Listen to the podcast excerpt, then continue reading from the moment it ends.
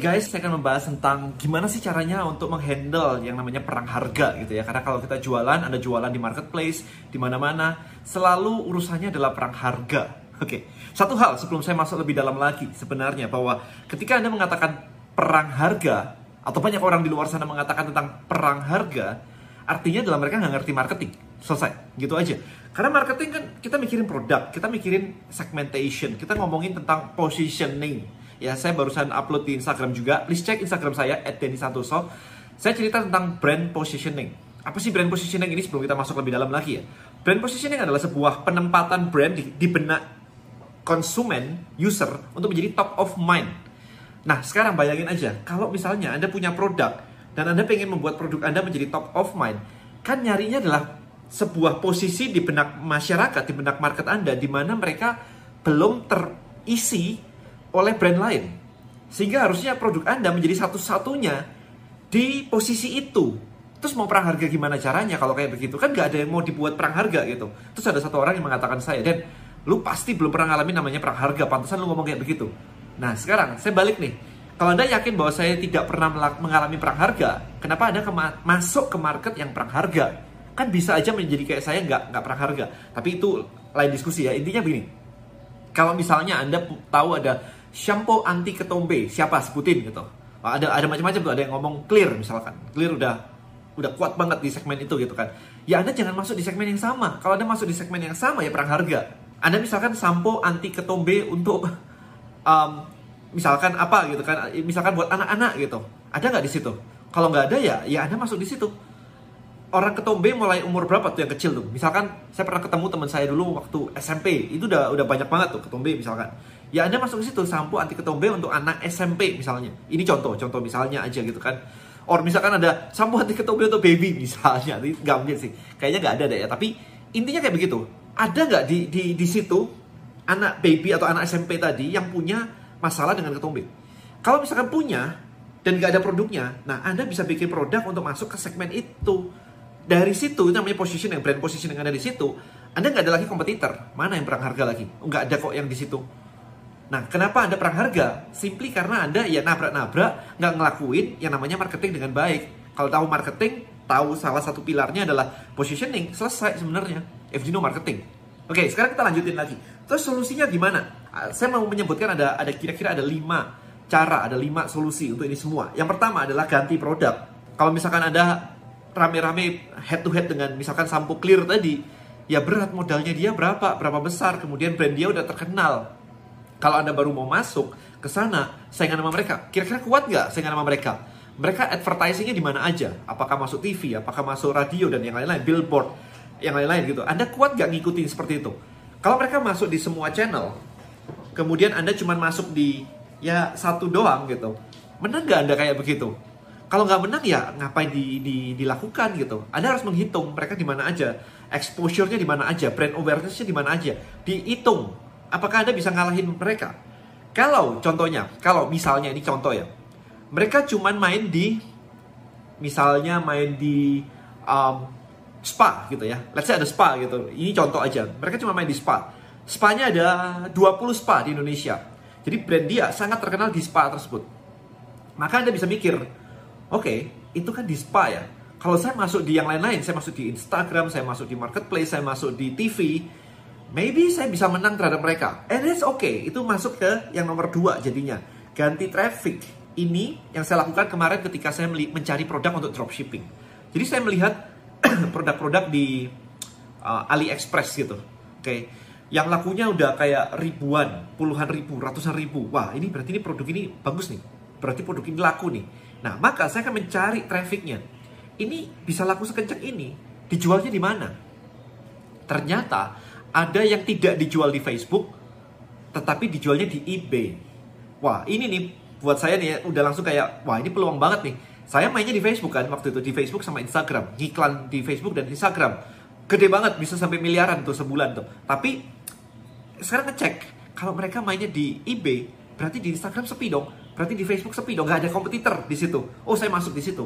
Itu cara saya untuk winning, nemuin winning produk kemarin. Gak ada kompetitor, sepi tapi karena itu cuma produk yang cuma dropship begitu aja, begitu saya main masuk, terus ketemu view-nya jutaan view deh.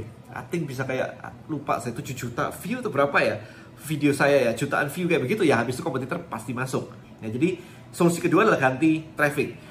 Um, saya pernah melihat beberapa teman juga mengambil dropship dari marketplace, kemudian dijual lagi tapi di Facebook atau Instagram dan harganya dinaikin empat kali.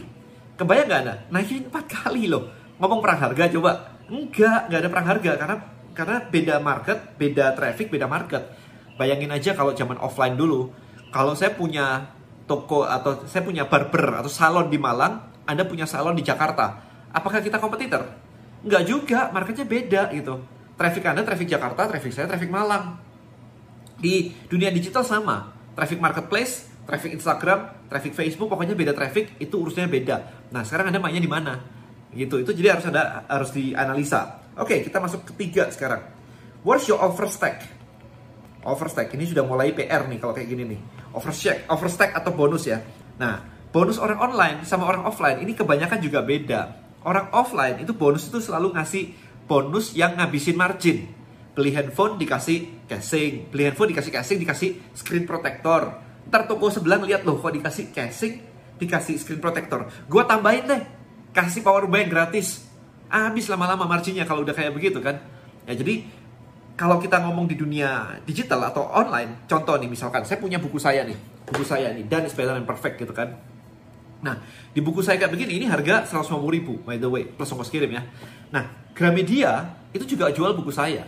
Tapi kalau Gramedia jual buku saya, di mana Gramedia itu ada, I think ada puluhan cabang di Indonesia.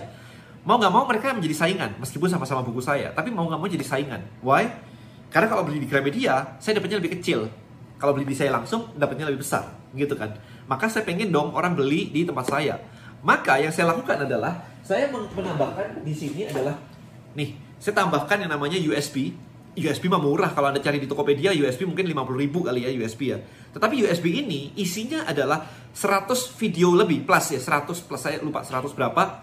Yang isinya adalah saya menjawab pertanyaan-pertanyaan yang muncul setelah Anda membaca buku saya ini. Jadi ini isinya mindset, strategi, cara saya berpikir itu ada di sini. Ya ini cerita saya, ini cara mikir saya gitu kan. Jadi kombinasi. Sehingga ketika di dua ini digabungkan, maka harganya nggak lagi 150 ribu, nggak cuma 200 ribu, tapi harganya hampir 400 ribu. Ya karena ada value tambahannya. Ini yang disebut dengan overstack atau bonus begitu. Jadi kita menambahkan sebuah bonus bukan ngurangin margin, tetapi nambah margin profit. Itu yang harus Anda lakukan. Right? So Kurang lebih kayak gitu yang disebut dengan overstack. Apa yang bisa Anda bundle tetapi bisa menaikkan omset Anda atau menaikkan margin Anda bukan omset, menaikkan margin Anda. Itu yang disebut dengan overstack. Sehingga produk saya berbeda dengan orang beli di Gramedia. Ya, kalau misalkan misalnya nih, Anda menjadi reseller dari Bonels. Oke, menjadi reseller dari Bonels. Kan banyak ya, reseller Bonels itu banyak banget kan. Nah, gimana caranya Anda memenangkan persaingan di situ? Kita nggak ngomongin perang harga. Bonels cenderung harganya relatif stabil Ya, jadi kita memonitor berusaha sebisa mungkin relatif stabil. Terus gimana caranya untuk memenangkan per, persaingan dengan dengan para reseller yang lain gitu kan? Simple. Anda harus bisa menambahkan value. Misalnya, Anda bisa mengambil sertifikasi aromaterapi. Sehingga Anda bisa memiliki kayak ebook atau forum yang mengajarkan cara I don't know, misalkan mencampur uh, ini essential oil atau cara memassage bayi, ada bayi ada caranya dimassage begitu kita kerjasama dengan beberapa orang yang memang bisa memasak kayak begitu. Nah, Anda bisa menambahkan hal-hal seperti itu. Sehingga kalau beli di Anda, mereka tahu cara memasak bayinya. Pijet ya, pijet gitu kan. Kalau beli di tempat lain, mereka benar-benar kayak, apa ya, um, ya cuman barang begitu aja gitu kan. Sehingga anda bisa ngecas lebih mahal atau lebih lebih ada tambahan value-nya, Anda bisa ngecas lebih tinggi. Ya itu caranya untuk um, lepas dari perang harga step ketiga gitu ya. Nah, yang keempat ini lebih advance lagi nih. Ini materi sebenarnya materi DM elite gitu ya. Yang keempat adalah yang namanya geser value chain. Value chain itu kayak begini. Contoh di sini, di sini ada misalkan uh, bahan baku, kemudian di sini ada pabrik. Ini contoh, contoh ya, by the way, importer. Ini marketer atau brand. Anda di sini nih biasanya nih. Nyari produk tuh di sini nih. Ini Anda di sini nih.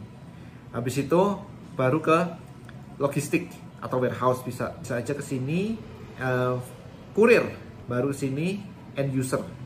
Nah sekarang kebanyakan orang itu cuma melihat matanya itu terlalu sempit. Mereka cuma berpikir di sini saja. Oke, saya mau cari produk, saya mau cari brand, saya mau jualan gitu-gitu doang. Geser value chain adalah gini. Ketika Anda melihat bahwa di sini ini sudah kayak terlalu penuh banget, apakah Anda bisa bisnis Anda itu pindah ke ranah yang sini?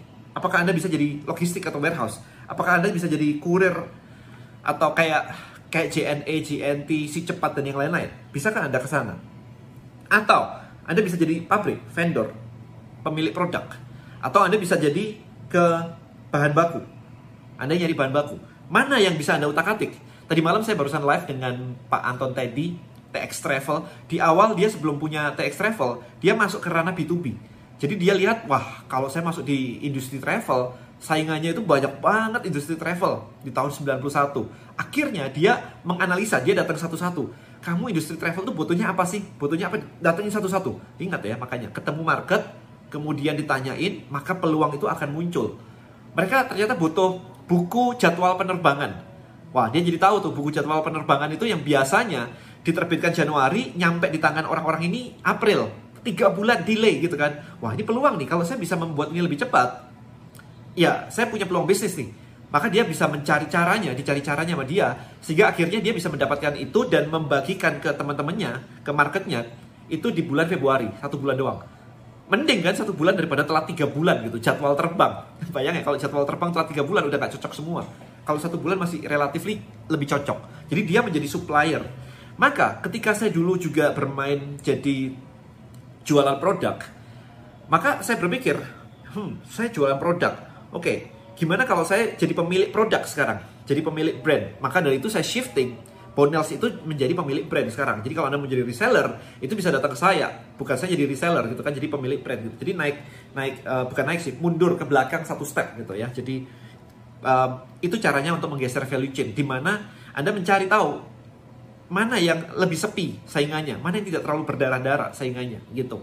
Nah, sekarang kalau Anda punya bisnis apa pun itu, apakah misalkan Anda bikin oh coffee, coffee shop gitu. Kenapa mikirnya buka coffee shop? Kenapa nggak mikirnya Anda punya kopinya yang didistribute ke kopi kenangan, Fore Coffee, dan yang lain-lain. Marketnya udah langsung ribuan. Mereka bisa ngambil di Anda. Ini contoh aja. Oke, itu caranya menggeser yang yang namanya adalah value chain. Oke, nah yang terakhir, saya tambahin bonus nih yang terakhir. Nomor 5, itu adalah value ladder. Ah, ini penting banget. Value ladder, misalkan Anda bilang bahwa um, barang saya kok perang harga banget. Pertanyaan saya, kalau Anda nggak ngambil profit di situ, laku nggak produk Anda? Misalnya Anda bilang, wah kalau saya nggak ngambil profit, ya laku sih kalau nggak ngambil profit, tapi kan nggak ada profitnya. Oke, okay, bener. Kita bikin strategi namanya value ladder. Jadi di sini, misalkan Anda jualan barang A, gitu ya. Di sini Anda nggak ngambil profit. Profit nol. Tapi orang beli. Yes, beli. Oke, okay, maka ketika orang beli, apa value berikutnya yang bisa Anda jual di sini yang tidak perang harga? Profitnya naik di sini. Apa yang bisa di sini? Dibuat lagi kayak begini apalagi di sini. Apa B dan apa C yang nggak perang harga, tapi margin lebih besar. Contoh misalnya nih, kalau misalkan saya, uh, let's say tadi jualan buku nih ya, atau ya katakanlah saya jualan buku deh, jualan buku kayak begini. Buku ini mepet marginnya, ya royalti dan sebagainya itu mepet marginnya. Tapi begitu orang beli sini, saya nggak dapat profit banyak. Tapi setelah itu, dia tahu tentang saya, dan ternyata membaca bahwa saya punya kelas yang namanya list building mastery.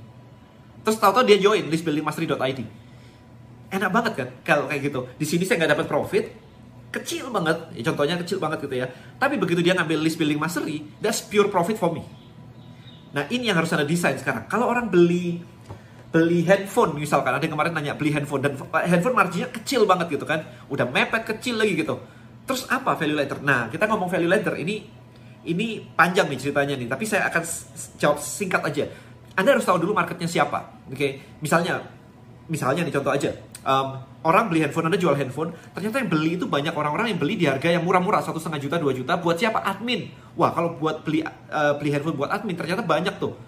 Ya udah, yang anda lakukan adalah, oke, okay, jual handphone, tapi anda di sini kasih mirip overstack tadi, anda jual bukunya misalnya, copywriting, cara cara closing lewat Instagram pakai handphone. Jadi ketika chatting, admin Anda closingnya naik. Nah, begitu Anda jual ke situ, di dalam buku itu, kemudian step berikutnya Anda jualan kelasnya misalkan, kelas online, bagaimana caranya negosiasi dengan dengan customer supaya mereka nggak PHP aja, supaya setelah datang nggak langsung ngilang begitu nanya harga terus ngilang. Itu kan sering banget ya PHP gitu. Nanya harga dan ngilang gitu. Anda ada kelas onlinenya yang anda jual dengan harga misalkan satu juta gitu. HP mungkin profitnya kecil banget. Mungkin 50 ribu 100 ribu gitu kan. Tapi begitu anda jual kelas online satu juta ya profit anda besar banget. Ya jadi kayak jualan 20 HP sama dengan cuma jualan satu kelas doang gitu kan. Karena 50 ribu ini satu juta kan satu banding 20 so itu yang bisa anda lakukan dengan value ladder. Anda harus mencari tahu kompleks sebenarnya cara mendesainnya. Tetapi anda perhatikan di sini bahwa apa pun yang anda jual di depan nggak harus profitable asal anda bisa membangun profitnya di belakang. Ya itu itu yang menarik banget. Tapi kalau anda bersaing cuma di depan aja ya abis. Boro-boro abis kena perang harga abis kena ngiklan di Facebook juga bisa boncos mulu kan Alright, so hopefully 5 cara ini, 5 insight ini benar-benar memberikan Anda strategi bagaimana caranya lepas dari perang harga. Anda tinggal cek satu-satu mana yang bisa Anda lakukan. Oke, okay, Anda yang cocok yang mana? Ini nggak semuanya langsung ya, nggak nggak mungkin langsung tahu-tahu. Oke, okay, geser value chain nggak kayak gitu, karena itu business decision yang yang panjang gitu. So, alright, so hopefully Anda bisa mendapatkan insight di sini and bye bye.